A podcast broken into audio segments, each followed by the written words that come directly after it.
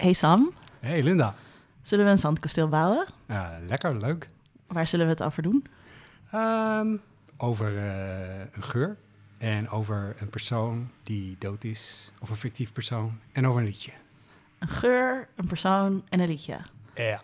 Oké, we gaan zandkastelen. We gaan zanken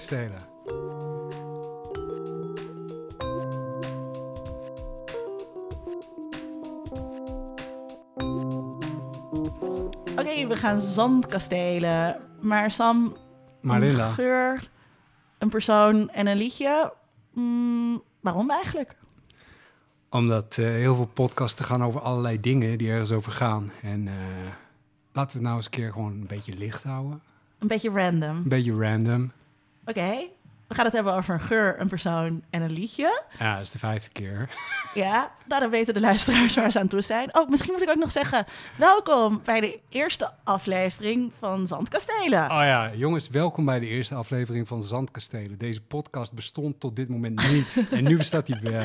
Ja, en wij zijn Sam Gerrits en Linda Duits. En Linda Duits. En we gaan praten. Ehm, welke zullen we kiezen? Ehm, laten we beginnen met het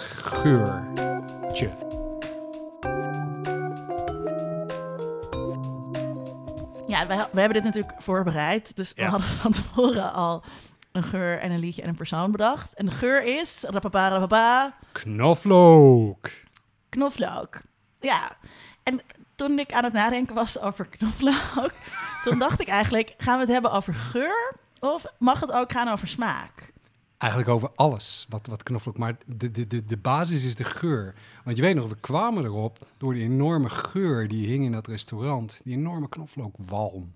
Waar was dat ook alweer? Dat was bij Sexyland.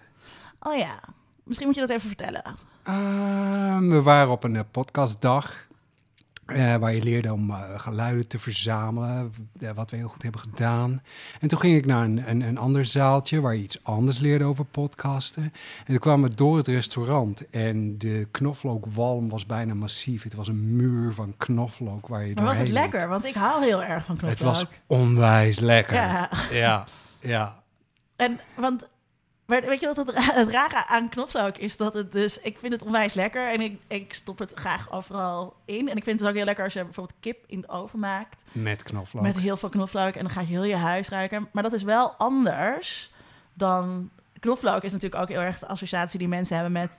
Je praat met iemand die knoflook heeft gegeten en dat meurt heel erg. Ja, dat klopt. Dat klopt. En dat is, de, dat is de basis van waarom knoflook zo lekker is. Dat het zo enorm meurt. Hè, ik bedoel, knoflook is eigenlijk net zoiets als koffie. Koffie eh, is, vinden we lekker omdat er cafeïne in zit. Dat geeft ons een kick. Eh, knoflook heeft op dezel, om dezelfde reden als koffie cafeïne heeft ontwikkeld. Die, die, die eh, ja, dat heet de mercaptane. Sorry, ik ben een nerd. Hoe heet het? mercaptane zwavelverbindingen heeft hij ontwikkeld zodat het niet opgefroten werd. Vroeger in de, in de Tweede Wereldoorlog eh, gebruikten ze knoflook om te voorkomen dat mensen gangreen kregen. Dus, dus Niet. bacteriedodend. Ja, dat is. Ja, dat is. Maar hoe dan? Om erop te wrijven of zo? Ja, ze, ze, ze wreven gewoon knoflook in die wonden, want ze hadden niks anders. en ehm, dus, dus knoflook heeft een soort, is een soort biologische oorlogsvoering begonnen tegen bacteriën en insecten en zo. En daardoor is het zo enorm gaan stinken. En daardoor heeft het die sterke smaak. En dat vinden we allemaal heel lekker en daarom gebruiken we het. Maar hoe kan het nou, dat vraag ik me af, want je hebt dat met knoflook, maar je hebt het ook bijvoorbeeld met alcoholwalm. Aha. Dat als je, als je zelf knoflook hebt gegeten, dan ruik je het niet bij de ander. Of als je zelf alcohol hebt gedronken, dan ruik je het niet bij de ander. Ja. Is dat dan ook die biolo- biologische oorlogsvoering? Weet, je hoe dat, jij bent bioloog? Geoloog, je bent geoloog. Ik ben geoloog. dat is iets heel anders. Het is niet hetzelfde. Weet je hoe dat zit? Weet je ook, het, ehm, eh, volgens mij snap ik je vraag niet. Maar voor zover ik het snap, Nou, hoe, hoe, dus de vraag is, hoe kan het... dat je het zelf niet ruikt. Volgens mij is het net zoiets als dom zijn. Als je zelf dom bent, snap- heb je het zelf ook niet door, maar anderen wel. Dus het is een soort, een soort Nee, subjectieve want het is een beleving. tijdelijke staat. Terwijl dom zijn is toch gewoon vaak een permanente staat. Ja, nee, dat is waar. Het is een soort tijdelijke staat van eh, heel erg ruiken. Ja. En daar moet je ook, als, als, als je vriendin of je vriend knoflook gaat eten, dan moet je mee eten. Ja, Want dus eigenlijk anders- is het heel gezellig. Knoflook het- is, ja, knoflook doe je samen. je doet knoflook niet alleen, want dan ben je een aso. Het is net zoiets als geloven in Jezus. Dat moet je ook samen doen. Ja, als het doet, is het helemaal niet leuk. Ja. Maar ja, maar terwijl ik ook wel... Ik heb dus ook wel soms dat ik denk... als ik heel veel knoflook heb gegeten... dat ik beter niet meer buiten ga of zo. Ja, zeker, zeker. Soms Ja. heb ik scheid en dan, en dan ga je wel... En dan, en dan doe ik nog een soort halfslachtige poging. Weet je wel, dat je dan... Als je in de kroeg staat en zeker als je heel dicht bij mensen hun hoofd staat te lullen... dat je dan zegt, ja, sorry, ik heb heel veel knoflook gegeten. Ja. Terwijl het is ook een soort van sorry, not sorry. Ja, klopt, klopt. En de grap is natuurlijk, als die ander dronken is, dan vinden ze het juist wel lekker. Want als je dronken bent, is het ergens wel lekker als iemand de knoflook zit te walmen tegen je aan. Het is een soort van intiem.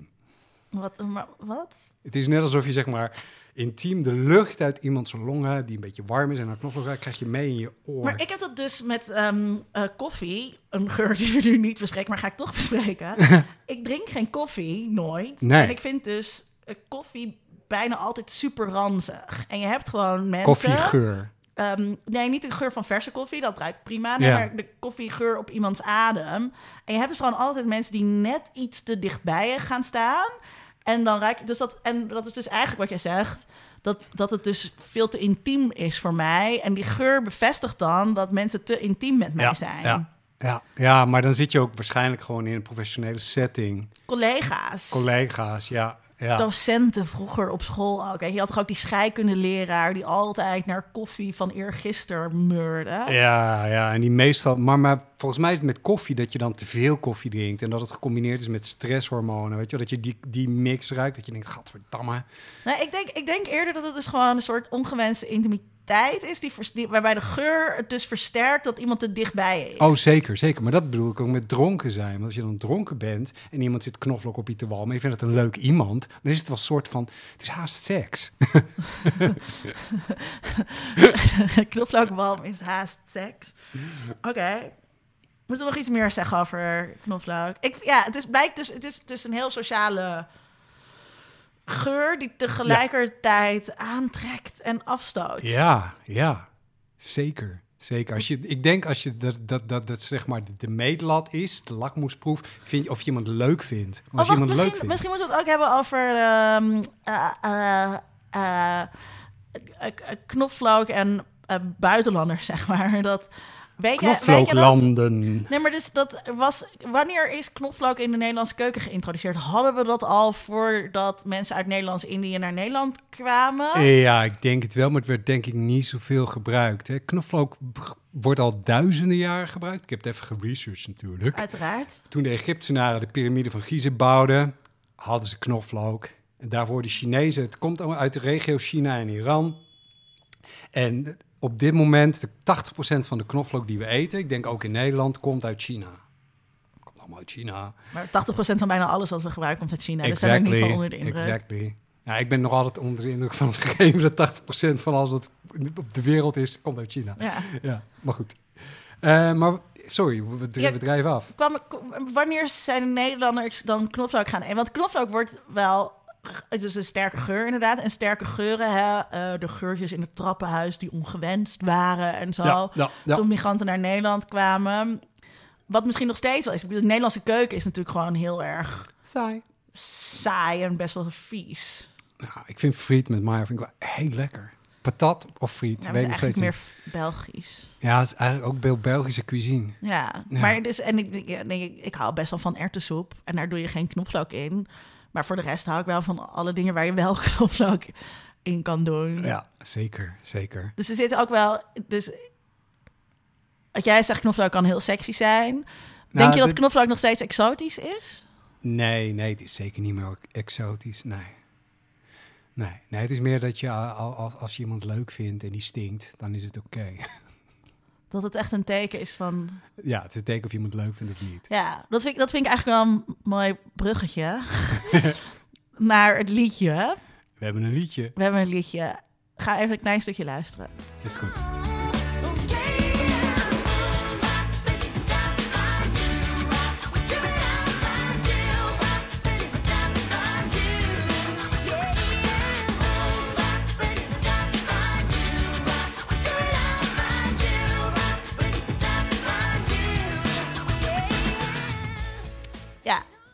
Mbap van Hansen is natuurlijk ook... Als je, als je je liefde voor Mbap met iemand kan delen... Aha. dan is dat ook wel een teken dat je iemand echt leuk vindt. Ja, ja zeker wel. Ja. Ja. Tegelijkertijd onthullen we ook met Mbap hoe oud we zijn. Het liedje kwam uit in 1997. We zijn ouder dan 1997. nee, maar je kan ook... Je kan, nee, dat is onzin natuurlijk. Ik ken ook allerlei liedjes die, die gemaakt zijn voor mijn geboorte. Ja, dat is ook ik waar. kan prima uit classics. 2000 zijn en Mbap. Ja, spreken. ja, ja Mbap, Is niet, maar Mbap maar- is ook wel een beetje tijdloos. Ik vind het... het eh, ik, ik heb even de lyrics zitten kijken, want ja, ik ben een nerd. En waar het de hele tijd over gaat is... ehm, dat het leven kort is, het leven vergaat. En de, de- een paar keer wordt herhaald in het liedje... eh, dat eh, it's just een mbap. En mbap is een soort van parallel aan moment. Voor hun is... En ik... Het- Mbap is een moment, Een ja. mbap is een moment. Ja, Net als een Scaramucci op een gegeven moment een moment werd. precies. Een Scaramucci. Een tijdseenheid. Een tijdseenheid, exactly. En ehm, ehm, eh, ik heb ooit eh, gesproken met Ingmar Heitse over dichters en um, lyrics-schrijvers. En hij zei dat een muziektekst is eigenlijk een halffabrikaat. Want Nou, een gedicht kun je ook gewoon lezen en dan is het iets. Maar als je mbap de tekst leest, dan is het ja, mbap, mbap, mbap. mhm, En tussendoor worden nog wat dingen gezegd. Maar als je het gaat zingen, dan pas komt het tot leven. ja, Dus in die zin is het, nou, het is niet af totdat je het gaat zingen. ja, maar je kan ook zeggen dat alle lyrics van muziek in essentie poëzie zijn. En, dan, en daarmee af. Ja, Eh, maar dat sommige poëzie beter tot recht komt als er ook een catchy ass deuntje onder zit. oh zeker. Er is gewoon heel veel poëzie die echt wel een catchy ass deuntje kan gebruiken. Ja, dan zou, dan zou er misschien ook veel meer poëzie Gelezen worden. Ja, of mi- misschien meer dingen erkend worden als poëzie. Terwijl natuurlijk zijn ook heel veel lyrics, en dan bedoel ik niet mbap, maar er zijn ook heel veel lyrics die totale onzin zijn. Dus ik heb bijvoorbeeld de biografie van Keith Richards gelezen. Aha. Wat geen aanrader is, want die man is echt een klootzak. Ik, Ik heb hem ook gelezen. Het is een Echt, klootzak. Maar echt. Maar echt. Ja, ik Ja. heb zo'n hekel aan hem. Echt. Aan het begin denk je nog van, oh, wat een lieve jongen. En, Ja. la, la, la. en gaandeweg.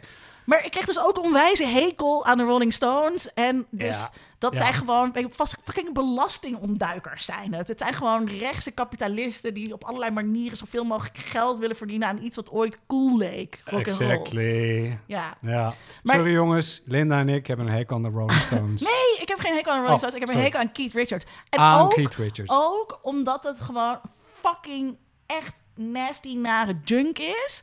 Die op het moment dat andere mensen drugs gebruiken... heel erg oordelend is en afkeurend. Yes. En op geen enkele manier naar zijn eigen drugsgebruik kan kijken. Exactly. Ja. Ja. hij heeft een beetje last van de Kurt Cobain ziekte. Hij heeft namelijk met zijn... Niet Keith Richards met Kurt Cobain vergelijken. Sorry, hij heeft, waar, maar waar hij dus last van heeft is... hij heeft succes gehad met zijn eigen gekte... en daarom hoeft hij niet te veranderen. Ja, precies. Ja, ja, ja. Ja, Dus dat is een beetje een tragisch vorm van succes. ja dat ben ik mee eens. Maar dus wat, wat ik in de biografie las... Ja. was heel veel mensen hebben natuurlijk heel erg nagedacht over de teksten van de Rolling Stones en wat het betekende en zo. Ja, ze betekenen eigenlijk gewoon niks. nee, Het zijn gewoon woorden die leuk op elkaar rijmen. En Ja, het is dus heel ja. zinloos om daar iets diepers uit te halen. En vaak komt het ook van iets echt heel doms. Want Jumping Jack Flash is volgens mij ontstaan, als ik het goed heb onthouden, die bio. Toen de tuinman van Keith Richards of van Mick Jagger, wil ik vanaf zijn, zat te springen op takken buiten. Ja. En dat vonden ze leuk eruit zien. Er kwam een liedje uit. ja, precies. Dus het is ook best wel banaal. En Ja, zo. ze zijn enorm banaal. Ja, en weet je wat ik, wat ik, wat ik zelf... Ik hou heel erg van Mbap. Het is echt een van mijn allerlievelingsnummers. Voor mij ook. Ja. Je kan me ook echt, als je zeg maar om half één s'nachts op dinsdagavond... een meisje eh, over de gracht hoort fietsen die heel hard Mbap zingt, dat ben ik dan.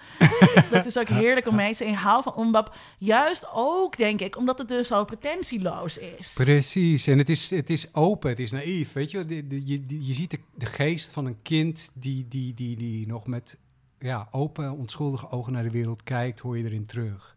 Maar de- denk je ook dat het dus uitmaakt dat zij... eh, want Hanson was die drie jongetjes, zijn broertjes, die waren best wel jong Ja, toen ze, toen ze dat nummer opnamen.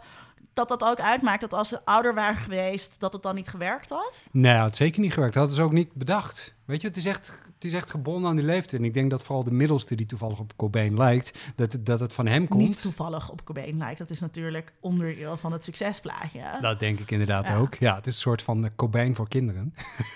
Ik heb trouwens ook wel eerdere versies van Umbap gehoord die helemaal Oh. niet werkten. Oh, serieus? Ja, Vertel. Dus, Ja, dat weet ik niet meer goed. Dat ik natuurlijk beter voor moeten bereiden. Maar gewoon andere versies, dat kunnen mensen gewoon eh googlen. Maar het, het, het, het is op een gegeven moment... Want het was dus eerst meer, meer eh, gitaarachtig. Meer, meer rocky Oh, oké. meer grungy. Ja, zie je, dat komt echt van die jongen, van die middelste. 97, toen was grunge... Nou, toen was Kurt Cobain al, al even dood, dus grunge was al voorbij. Maar eh, 97 is natuurlijk het toppunt van de pop. We zaten toen Ja. in de hoogtijdagen van de pop. net voordat iedereen pop kapot maakte door eh, muziek gratis te gaan downloaden. Want dat heeft heel erg die pop gekild. Maar ja, later jaren 90 waren nog heel erg boybands, girlbands. En mensen kochten nog muziek. En met mensen bedoel ik hier jonge meisjes. Mhm. Want die kochten altijd de shit waarmee dingen in de hitparades eh, kwamen. En het is dus verpopt, het liedje. Dus de oorspronkelijke melodie en de... En, en Ah, Oké, maar daar heeft er ook een producer mee te maken gehad waarschijnlijk. Dat weet ik niet. Maar het is, het is net als ABBA bijvoorbeeld. ABBA is ook echt zulke hoogstaande popmuziek. Weet je? Absoluut, Dat is echt absoluut. de beheersing van pop tot Ik denk dat de ABBA de gold standard is van pop. Ja, daar kan, je, daar kan ik ook... Oh, nu ga ik echt vloeken in de kerk. Who ik heb dus soms, als ik Nirvana luister... En ik was echt mega Nirvana-fan hè, vroeger. Ja. Daar hoef ik jou niet te vertellen, dat hebben we het heel vaak over gehad. Maar de luisteraar weet dat misschien niet. Maar ik, weet je, super verliefd op Kurt Cobain. En al die liedjes. En dat, en dat verbeelde ook heel erg mijn teenage angst en zo. Ja. Maar ik heb heel vaak, als ik het nu terugluister... dat ik denk... "Ah, Ik heb hetzelfde. Eigenlijk was het niet zo heel goed. Het was niet zo heel goed en het was best wel melodramatisch. Ja. En ABBA, wat natuurlijk niet kon vroeger, Nee. want dat was totaal niet cool. En disco was sowieso totaal niet cool, ook toen disco uit was, toen ik nog niet geboren was. Of was ik wel geboren, maar toen was ik één of twee of zo. Was het ook niet cool om voor disco te houden. Dat was, het was altijd een soort muziekgenre waar heel erg op neergekeken is door serieuze muziekjournalisten. Maar ABBA kan je dus eindeloos luisteren. ABBA kun je niet omheen. Weet je, doe me denken aan die tekst van... eh, zorg dat je zo goed bent dat mensen niet om je heen kunnen. Je hoort nu de fles wijn. Die Je hoort, eh, de wijn. Inschenken. Moet je dat benoemen eigenlijk? Denk En dat is gewoon, en dat is gewoon met, met, met eh, ABBA is dat zo. Het is zo goed, je kunt er niet omheen. Weet je, ook al heb je een hekel aan popmuziek.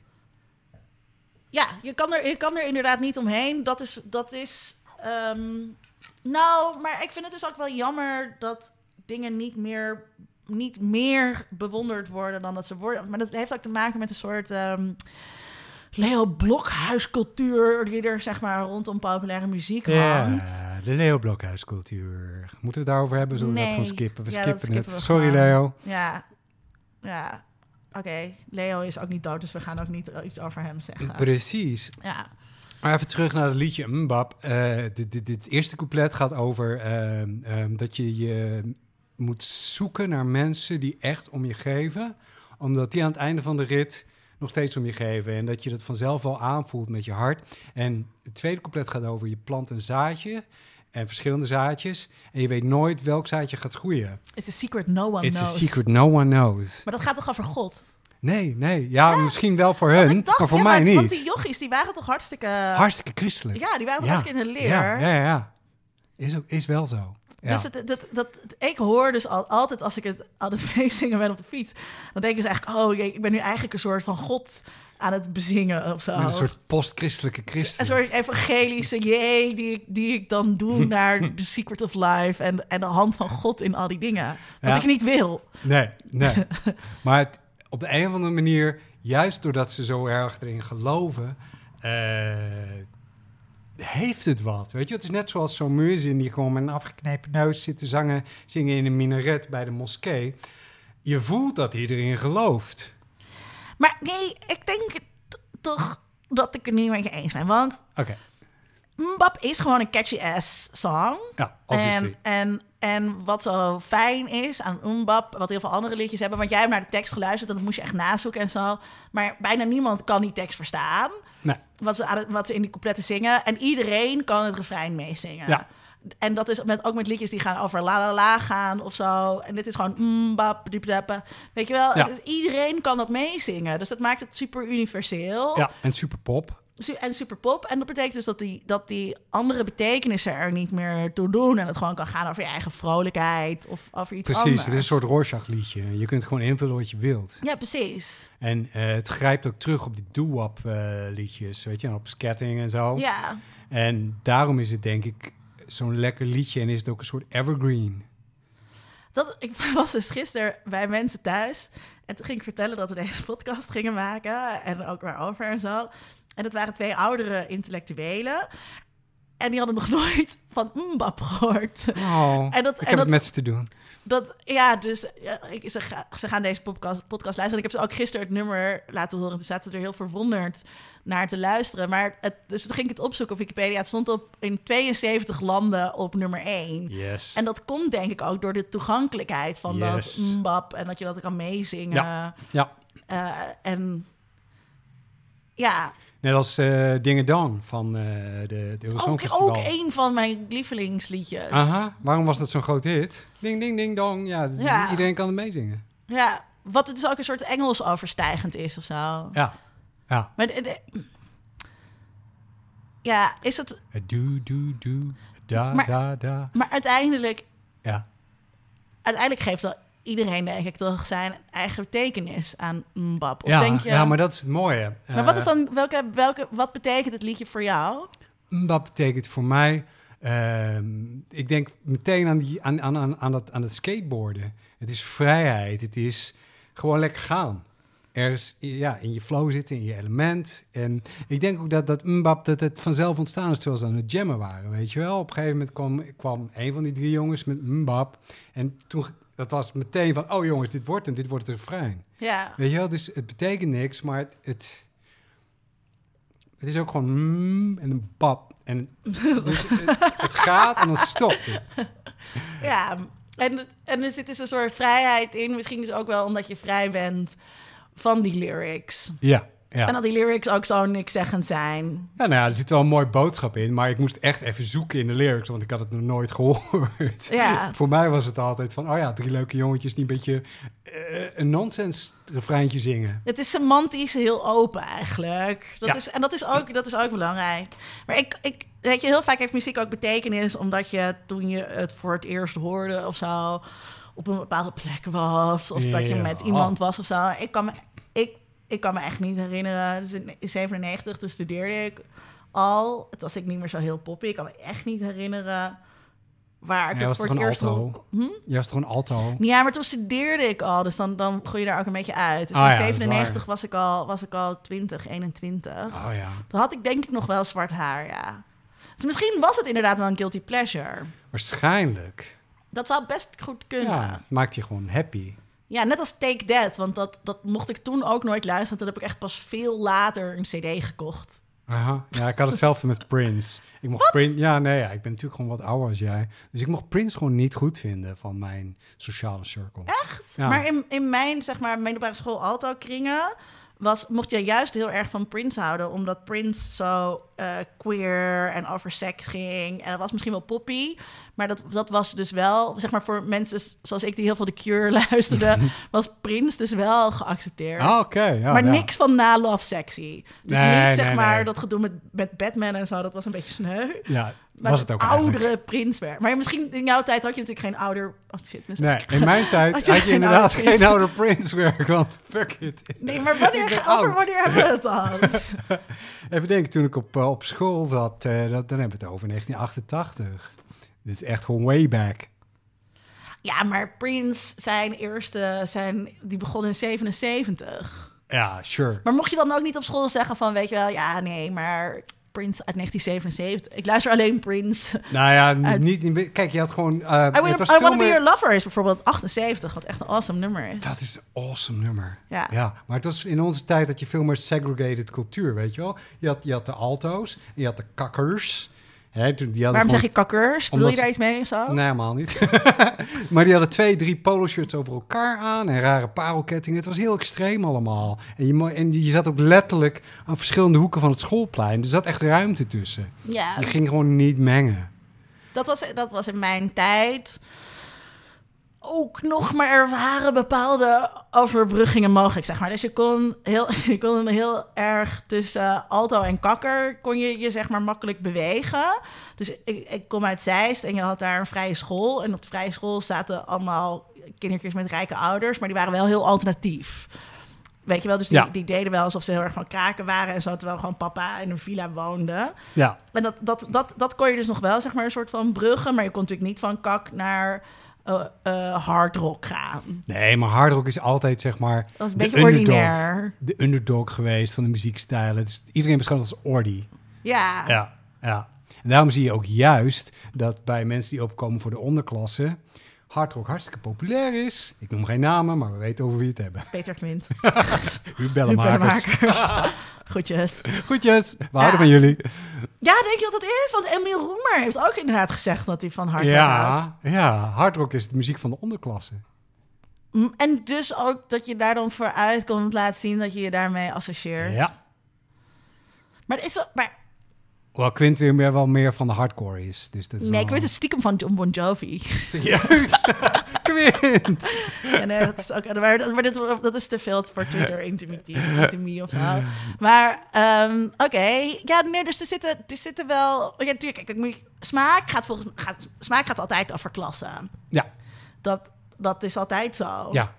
En je kan dus heel goed Ja, Denk aan het verschil tussen hockey en voetbal. Heel nou, wat, ik, wat ik deze week las, daar had ik nog nooit over nagedacht. Ik, ik blogde over een, een studie die gedaan was naar hoe mensen uit verschillende klassen kijken naar reality televisie. En reality televisie portretteert vaak verschillende klassen. En dan heel vaak lagere klassen. Ja, Eh, denk aan Shore. eh, Barbie, Samantha uit uh, Gerso Ja, en zo. ja.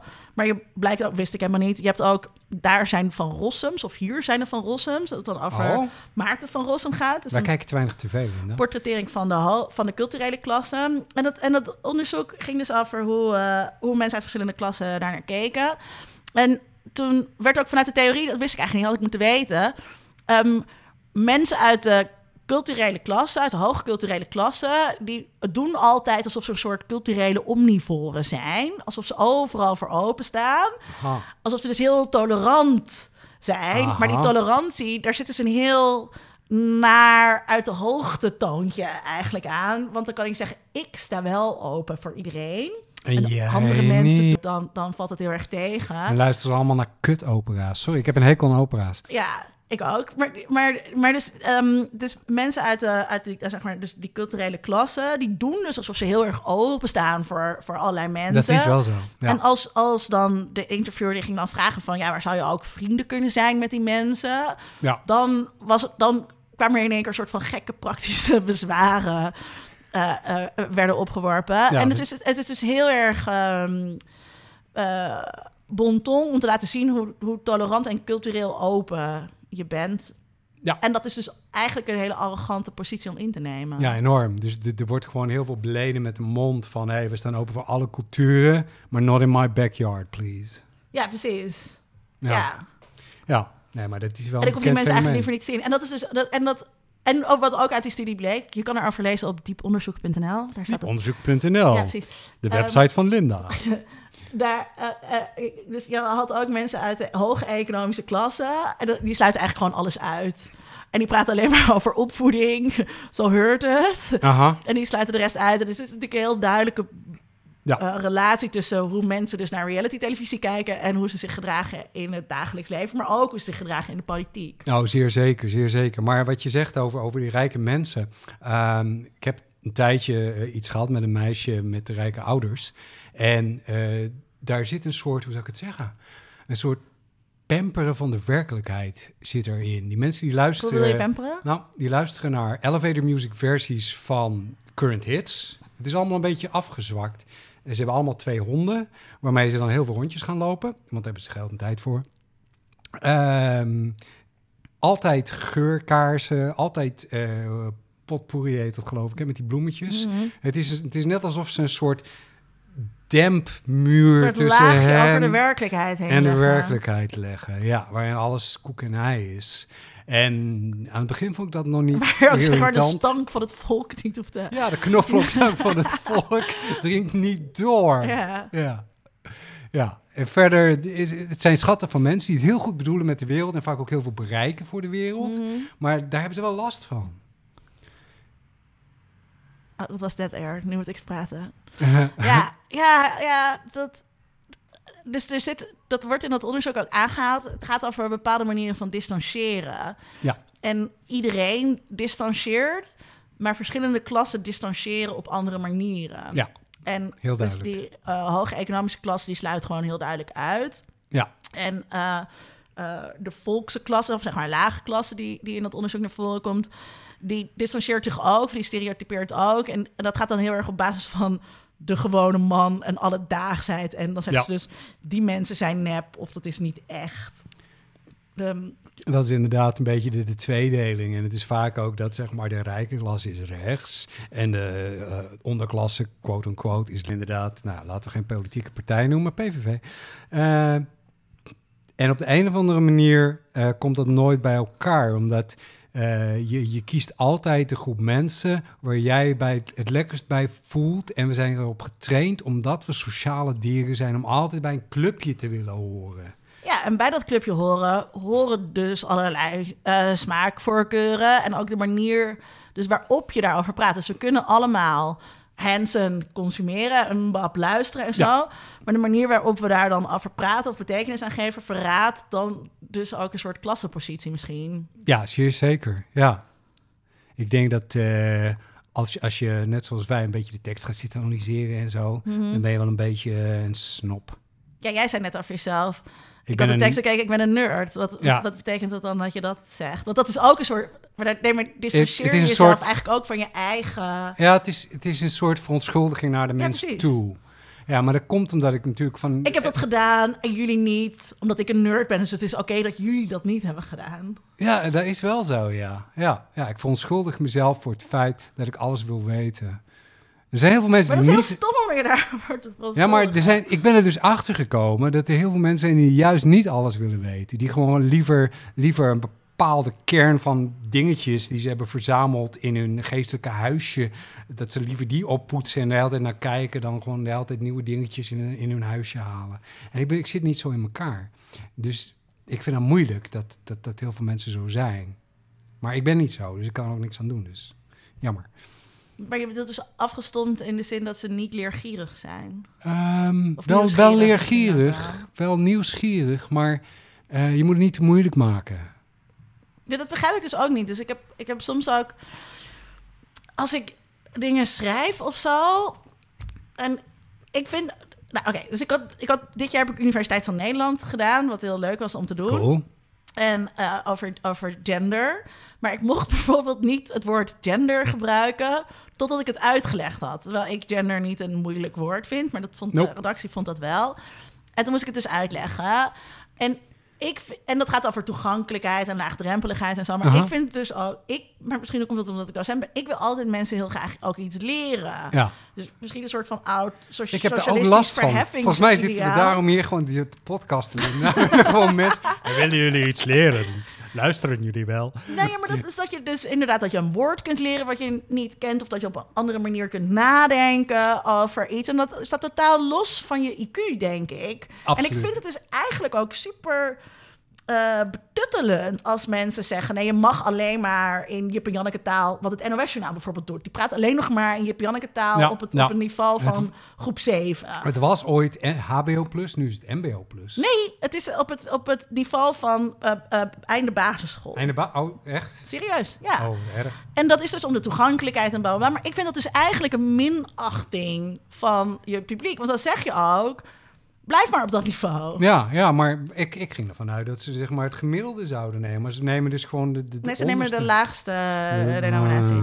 En je wil toch ook juist, ik wil graag altijd, dat, dat mensen iets opsteken. Want het is toch leuk om iets te leren? Ja, ja, of in ieder geval, het is leuk. Mensen vinden het superleuk om iets te leren wat, wat, wat, wat dicht bij hun eh, beleving zit. Weet je wel, ik als nerd vind het super cool.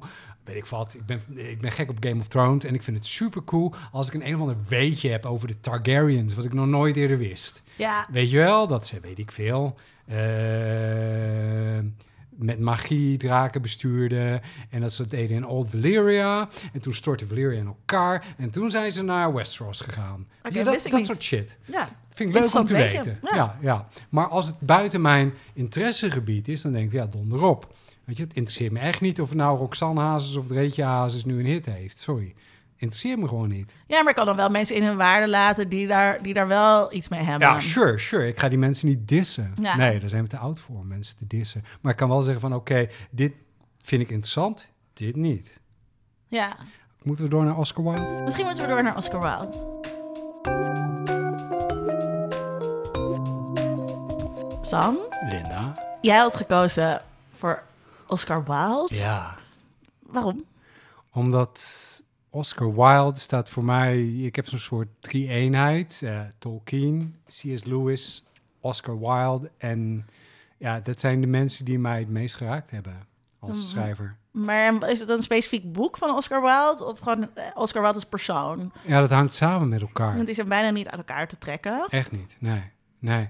En ehm, eh, je ziet bij Oscar Wilde, als je, als je analyseert wat hij heeft geschreven, dat Mhm. het allemaal, sorry, maar het gaat bijna allemaal over homoseksualiteit. Nou ja, dat is, dat is dus heel interessant aan Oscar Wilde. Ehm, Os- Oscar Wilde was een dandy, hè? En, en, zeg maar, dandy. misschien wel de eerste en de laatste dandy, maar eigenlijk niet de eerste, want hij jatte heel veel. dandy misschien ooit. de beste dandy. Ehm, maar hij... eh, in zijn leven, als je terugkijkt op zijn leven, dan staat die homoseksualiteit heel erg centraal. Terwijl bij zijn leven, hij kwam er nooit voor uit. Hij liet het altijd in het midden. Het was, het was ambigu. En op het moment dat hij veroordeeld wordt en dat zijn homoseksualiteit benoemd wordt, stort zijn leven eigenlijk in. Aha. En houdt zijn dandyisme ook op met bestaan. En raakt hij vervolgens aan lager wal en sterft hij dan penniless. Wat natuurlijk ook een hele mooie romantische dood Ja, eh, voor zo'n dandy Ja. is. dat is Mozart. Ja, en, en eh, Van Gogh. Ehm, Ja. Maar het is, het is... Je gaat dus altijd, als je nu vanuit onze tijd Oscar Wilde gaat lezen... ga je dus overal in zijn werk aanwijzingen zoeken voor zijn homoseksualiteit. Ja, maar dit is wel echt heel obvious hoor. Hij heeft één boek geschreven, hè? Mhm. De rest zijn korte verhalen. Mhm. Zijn enige boek is The Picture of Dorian Gray. Hè, dat is een jonge man die aan zijn gezicht zie je niets, maar door zijn verschrikkelijke, vuige, vieze daden verandert zijn gezicht steeds meer in een monster. Dat is guilt, dat is schuld. Mhm. Maar wat ik, wat ik dus, wat mij zo eh, interesseert aan dat, aan dat verhaal van eh, Oscar Wilde als, als homoseksueel, omdat hij misschien wel ook de beroemdste homoseksueel was. Hij was volgens mij een van de eerste mensen naast André van Duin of zo voor mij. Alan Turing, Die, die, die homo was. Maar, maar dat we dus de hele tijd bezig zijn met zijn seksualiteit vastleggen. Terwijl hij dus bij leven, bij zijn goede leven, dat juist ambigu wilde laten. Hij wilde het in het midden laten. is ook zo, is ook zo, maar dat komt natuurlijk ook door de cultural constraint. En de, eh, eh, het verhaal van de gelukkige prins, ik weet niet of je, ik heb het even gelezen weer voor de grap. En ehm, het gaat over een prins en dat is een metalen beeld bedekt met eh, bladgoud en heel veel juwelen en zo. En een zwaluw die niet vertrokken is naar het zonnige zuiden vanwege een dwaze verliefdheid op een rietstengel. Rietstengel, zie je het voor je? Nee. Piemel. Oh, oké. Nee. Mag ik iets, mag ik iets voorlezen? ja, lees jij iets voor. Oké, dit komt uit een, een boek dat heet The Dandy. En het is een stuk eh, geschreven door Matthias Duives. En ehm, eh, hij is socioloog en heel erg gespecialiseerd in mannelijkheid. En Aha. weet heel erg veel van dandies. En ik vertelde hem gisteren dat ik hier iets over, dat ik iets Cool. over Oscar ging doen. En toen mocht ik dit boek van hem lenen. En dit is, komt, dit is een tekst van hem. Cool. Ik, dus ik wil graag een passage voorlezen. Oké, Linda gaat iets voorlezen, jongens. Oké. De bijzondere specialiteit van de dandies, hun dandyisme, bestaat uit hun heel specifieke overgangsstijl, die in tegenstelling tot menige andere overgangsstijl volkomen is gericht op het creëren van ambivalente overgangstoestanden in het leven om hen heen. Volgens dit uitgangspunt is binnen samenlevingen in overgang de dandy de meest veelzijdige overgangsfiguur, die er bovendien op uit is anderen in de samenleving van het een op het andere moment met overgangssituaties te confronteren. Dandies bewegen zich bij voorkeur op verschillende breukvakken tegelijk, zoals op de grens tussen periodes, bevolkingsgroepen, biotopen, de seksen. Ze hebben succes met hun dandyisme, al naar gelang ze erin slagen nieuwe overgangssituaties om zich heen los te maken. Koning der dandies is weer de veelzijdigste onder hen, die zelfs feiten, overtuigingen en verhoudingen die volledig vastliggen op losse, groeven, op losse schroeven weet te zetten. Dus dandies zijn eigenlijk een soort katalysator van verandering in de samenleving. Precies, en dat doen ze door wat je eigenlijk nu queer eh, door, door queer te zijn, wat Ja. je nu queer zou noemen. Ja. Namelijk ambivalent, niet vastliggen Ja. in het een of het ander. Super vervagen van grenzen. Laten we als heel zijn. duidelijk recent voorbeeld even David Bowie noemen. Precies. De ultieme recente dandy. Hij rust in vrede. Ja, Eh, Andy Warhol eh, is denk Andy ik ook een goed voorbeeld. Ik zat zelf, toen ik dit zat te lezen, moest ik denken aan Pim Fortuyn. Oh ja, natuurlijk. Omdat- Omdat... Pim. Omdat onze... wat- En ik ben helemaal geen fan van, van Pim Fortuyn. Maar ehm, we hadden zeg maar in de jaren negentig een soort paars paradijs met elkaar. Mhm. Waarin alles fantastisch was, vond ik. Ik zou zeggen Utopia. Waarin, Omdat weet je, de winkels mochten paradijs- langer open. En homo's mochten met elkaar trouwen. En euth- euthanasie werd mogelijk. Ja. En dat waren een soort feiten. Maar toen zei Pim... Nee, paars heeft ons puinhopen gebracht. De En puinhopen hij van symboliseert Paars. dus ook zo'n soort overgangsperiode tussen hè, dat, eh, eh, die, die tijd en misschien wel het begin van de 21ste eeuw met het 9-11 en Mm. angst voor moslims en zo. En Pim was ook iemand die dus eh, eh, heel erg met zijn eh, flamboyant en met zijn homoseksualiteit speelde. En ik denk dus ook dat, dus het gaat over die ambivalentie en in het midden laten, nooit ergens jezelf volledig Maar er is een archetype voor trouwens. Dat is Mercurius. Mercurius is de boodschapper en die is seksueel ambivalent. Hè, het teken van Mercurius Mercurius. is de uber-dandy. De de uber dandy. Het, het astronomische teken of astrologische teken van Mercurius is ook gewoon een mannetje en een vrouwtje. Het, het is een hermafrodiet. Oké. Ja, so there you go. Dus, dus om even terug te komen met wat je zei met Oscar Wilde van, over die homoseksualiteit. Hij wilde dus juist heel graag zijn homoseksualiteit in het midden laten. Terwijl we kunnen nu terugkijken en zeggen... ja, maar hij moest voor, dat moest verborgen eh, blijven. Oké, je zei dat, hij, dat het niet opgelegd is, maar dat hij het zelf ook graag wilde. Dat hij het zelf ambivalent wilde laten. En dat op het moment toen het dus benoemd werd... toen was de lol er voor hem ook af. En toen hield zijn dandyisme dus ook op te bestaan. Want toen kon hij niet meer ambivalent zijn. Toen was het luid en duidelijk. Oké, dus jij zegt het feit dat hij aan lage wal gestorven is, komt niet zozeer omdat hij homo was, maar omdat zijn ambivalentie hem werd afgenomen. Omdat hij zijn dandyisme niet meer kon doen. Omdat die ambivalentie niet meer mocht. Ja, dat klinkt wel Of die ambivalentie was niet meer, was niet meer te doen. Ja. En bijvoorbeeld als je het dus ook hebt over David Bowie. Trouwens ook over Prince. Eh, wat, ik, wat, ik, wat super queer voorbeelden voor mij zijn. Ja, Eh, en heel sexy. De grap is natuurlijk dat vrouwen vinden Prince heel sexy, maar mannen ook. Ja, En ook het brengt mannen ook in de war. Als je die man ziet in zijn, in zijn naakje op Love Sexy. queer is ook sexy. Queer is sexy. Ja, maar en, en dus ehm, wat, wat bij Prince zingt ook, weet je wel, eh, am I black or white, am I straight or gay? Ja. Hij wilde dat ook altijd in het midden laten. David Bowie speelde daar ook altijd heel erg Absoluut. mee. David Bowie heeft trouwens heel lang een relatie gehad in Berlijn met een transseksueel. Transgender persoon? Een transgender persoon, pardon. Dat geeft niet. Hm. Ja, transseksueel is, eh, kan, ik, ik weet niet of dat nog kan. Volgens mij is, nee, kan dat niet meer. Oké. Ja, Mijn excuus voor een discriminerende term. ja, maakt verder niet, maakt verder Transgender persoon. Nee, maar, dus, maar, het- dus het, het- nee, maar dat is dus ook wel, weet je, wij zijn nu denk ik ook heel erg bezig met, aan de ene kant wil iedereen dus best wel queer zijn, maar aan de andere kant zijn we ook heel erg bezig met het vinden van nieuwe hokjes waarin we allerlei mensen vastleggen. Terwijl, Ja, wij, wij zijn mensen, we zijn simpel, we willen zekerheid. Weet je, het, het belangrijkste wat je wil, waar, wat, wat, wat, waar ik naar zoek, terwijl ik naar je kijk, terwijl jij naar zoekt, terwijl je naar mij kijkt, is dat we elkaar begrijpen. ja, Want het is zo fijn om gewoon begrepen te zijn en begrepen te worden en allemaal het eens te zijn. En daarbij hoort ook het vatten van elkaar in gendertermen. Exactly. En dandies, die, die, die, die, tornen daaraan op een hele leuke manier. Hè, je hebt ook mensen die eraan tornen op een hele vervelende manier. Daar gaan we het niet over Daar gaan we het niet over hebben. Want die mensen zijn nog niet dood, dus we gaan het niet Precies. over hebben. Maar wat ik, wat ik, ik weet dus nog heel goed, dat weet ik dus nog wel heel goed, dat ik voor het eerst met Oscar Wilde in aanraking kwam op de middelbare school bij Engels en dat we dat gingen lezen en zo. En ik als puber vond dat echt zo fantastisch. Aha. En ik denk dus juist door al die ambivalenties, zeg maar. En als puber ben je natuurlijk nog heel erg op zoek naar je identiteit. Je weet niet helemaal waar Zeker, je ook staat. seksuele identiteit. Ja, en dan is het heel fijn om dus fluïde te kunnen zijn. Of niet tot een bepaalde categorie te behoren of een bepaalde periode te eh, Ja. behoren. Ja, ja.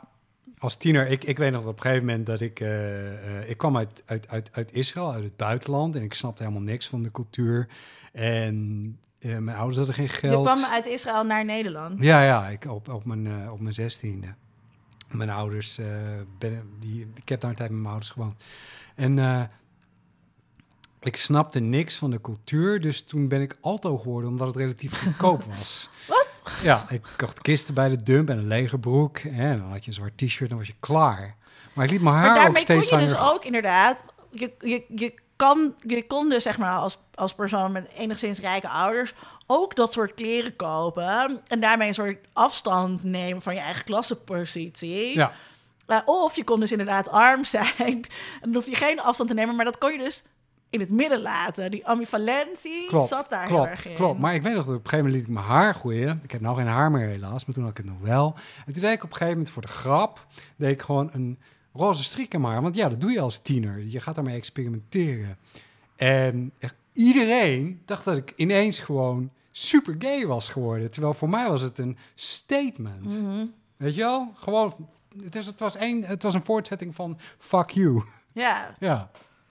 Dus dat was heel grappig om toen. Daarna heb ik het niet meer gedaan, want ik durfde niet meer. omdat je dan teruggedisciplineerd wordt. Ja, want werd mensen houden niet van ambivalentie. Exact, mensen houden niet van En ambivalentie. dat is wat er met Oscar Wilde is gebeurd. Hij is gewoon keihard teruggedisciplineerd. En hij leefde natuurlijk ook dankzij zijn, zijn klassenpositie. Ja. Kon hij natuurlijk zich heel veel vrijheden Veroorloven. permitteren. Ja. En, en hij had gewoon tegenstanders die hem keihard daarin gedeeld hebben. En gezegd, nee, je mag niet ambivalent zijn. Nu gaan we tegenover de hele wereld aantonen... jij bent homo. En dat is niet alleen homo, jij bent verkeerd. Hè, wat, wat ze nu nog voor de grap de verkeerde kant. Maar toen was het echt verkeerd. Toen was het fout. het, het, die, die, periode zeg maar, van Oscar Wilde is vanuit een, vanuit een seksualiteitsstudies eh, perspectief heel interessant. Omdat we eigenlijk geen besef hadden van homoseksualiteit tot ongeveer die tijd. En zo eind 19e eeuw gaan psychiaters homoseksualiteit klassificeren. Hè? Dus het Als was, een ziekte. in de 19e eeuw wilde, dat weet jij ook, toen wilde i- wil, al die wetenschappers wilden alles klassificeren en vastleggen Ja, in geordende Postzegelsverzamelingen aanleggen. ja, in geordende systemen eh, met allemaal soorten en subsoorten en weet ik veel wat. En dat gebeurde ook met homoseksualiteit. En dat gebeurt dus ongeveer rond de... Maar er was dus eigenlijk geen woord voor wat Oscar Wilde was. Wel, eigenlijk ging dat, kon het dus alleen gaan over de, de daden of zo. Dus over sodomie. Ja. Eh, of hij werd een, een, een, eh, pervert genoemd, eh, een perverseling. Maar, maar dat is precies de tijd ook waarin ons idee van wat homoseksualiteit is als identiteit ontstaat. En daarom is het dus ook niet raar dat hij de beroemdste, nog steeds denk ik wel, de beroemdste homoseksueel is. Waarschijnlijk wel. Ja. Wat dus zo terug is, omdat hij dat eigenlijk Veel meer was. Hij, maar er was ook veel meer. Weet Ja. je, ik zeg wel van, nou ja, een zwaluw wordt verliefd op een rietstengel. Ha, ha, ha, super gay. Maar dat sprookje van de gelukkige prins is zo mooi. Zo mooi. Ja, En, en het is jammer om het inderdaad te reduceren tot alleen maar dat. we reduceren het tot een identiteit terwijl iemand veel meer is en Ja. ook meer wil zijn. Maar dat sprookje en ook, ook gewoon het andere sprookje, eh, wat was het ook weer met, met die roos, de nachtegaal en de roos heet het geloof ik.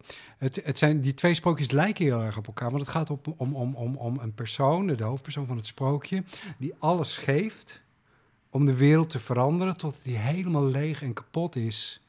En daarna is er niks meer over. En eh, in, in, in eh, De Gelukkige Prins, eh, ja, eh, voor wie het sprookje niet kent, het is een prachtig beeld van een, een metalen prins eh, met bladgoud over, over, overdekt en uh, juwelen als ogen en juwelen op zijn zwaard, weet ik veel. En hij, die prins vraagt aan de zwaluw, deel al mijn juwelen uit aan arme mensen, want het is koud en mensen hebben pijn en tralala. En daarna alle stukjes bladgoud worden stuk voor stuk verdeeld over de armen van de stad, tot er alleen maar gewoon een, een kaal metalen beeld over is. En op dat moment sterft de zwaluw en de prins zijn hart breekt en ze gaan hem omsmelten, maar het hart van metaal wil niet smelten. Dus alleen het gebroken hart van de prins en de dode zwaluw liggen op de vuilnishoop. En dan zendt God zijn engelen om het gebroken hart van de prins en de dode zwaluw te verzamelen, omdat het de meest kostbare dingen op aarde zijn.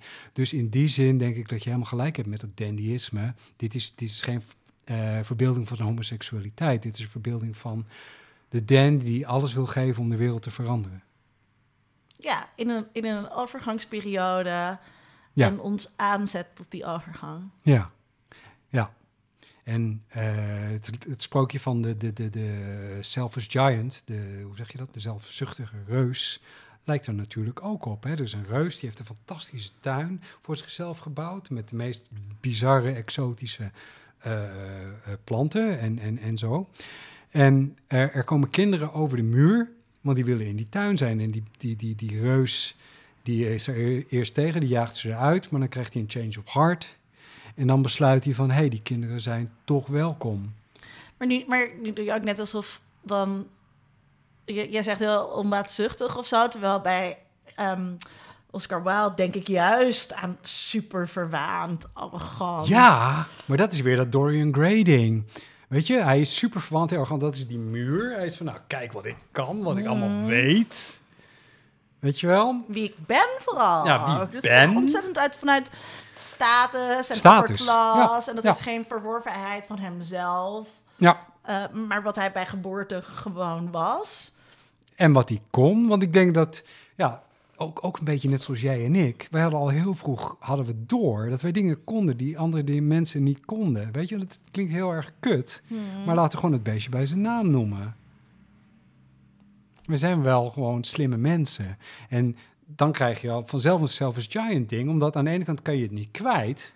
Weet je, hè, dan hebben we weer die nerd. Dan zet je er een muur omheen. En dan ga je gewoon binnen die muur. Ga je gewoon je eigen tuin bouwen. En dan pas ga je mensen krijgen die over die muur heen komen. En zeggen, shit, Ja. wat een gave tuin. Is onze eh, podcast, waarvan dit de eerste aflevering is, nu onbaatzuchtig? Of zijn we eigenlijk een soort van PvdA'ers en willen we toch Het is allebei. luisteraar Het verheffen? is allebei. We willen Ja. luisteraar verheffen, maar we willen ook gewoon eh, onze weer wederzijds tuin cultiveren. Met dat we hier zitten te praten met elkaar. Jij, jij geeft mij plantjes, ik geef jou stekjes, weet je wel? Onze tuin wederzijds cultiveren. En dat is precies wat zandkastelen nou precies is. Exact. Maar als je faut daar- cultiver notre jardin. Sorry voor mijn slechte accent. Maar als je daar meer over wilt weten, dan moet je ook de tweede aflevering van Zandkastelen, Zandkastelen luisteren. Luisteren. En voor de tweede aflevering, wil ik nu alvast zeggen... de luisteraars mogen beslissen welke geur, welk liedje... en welke dode of fantasiepersoon wij gaan behandelen. Het mag ook Donald Duck zijn, daar hebben we geen probleem mee. Ja, jij had eigenlijk, jij zei tegen mij Donald Duck of Oscar Wilde. Ja, dat klopt. Ja. Ja. dus als er niemand iets instuurt, dan gaan we gewoon Donald Duck doen. Ja, dat is zo. Het wordt gewoon Donald Duck. Oké. Oké. Super bedankt voor het luisteren naar de eerste aflevering van Zandkastelen Zandkastelen met Sam Gerrit. met Linda Duits. Tot de volgende keer. Techniek, Sebas. Oh ja, we moeten vergeten. Sebastian van der Poel bedanken voor de techniek. Super bedankt. Dankjewel, Sebas.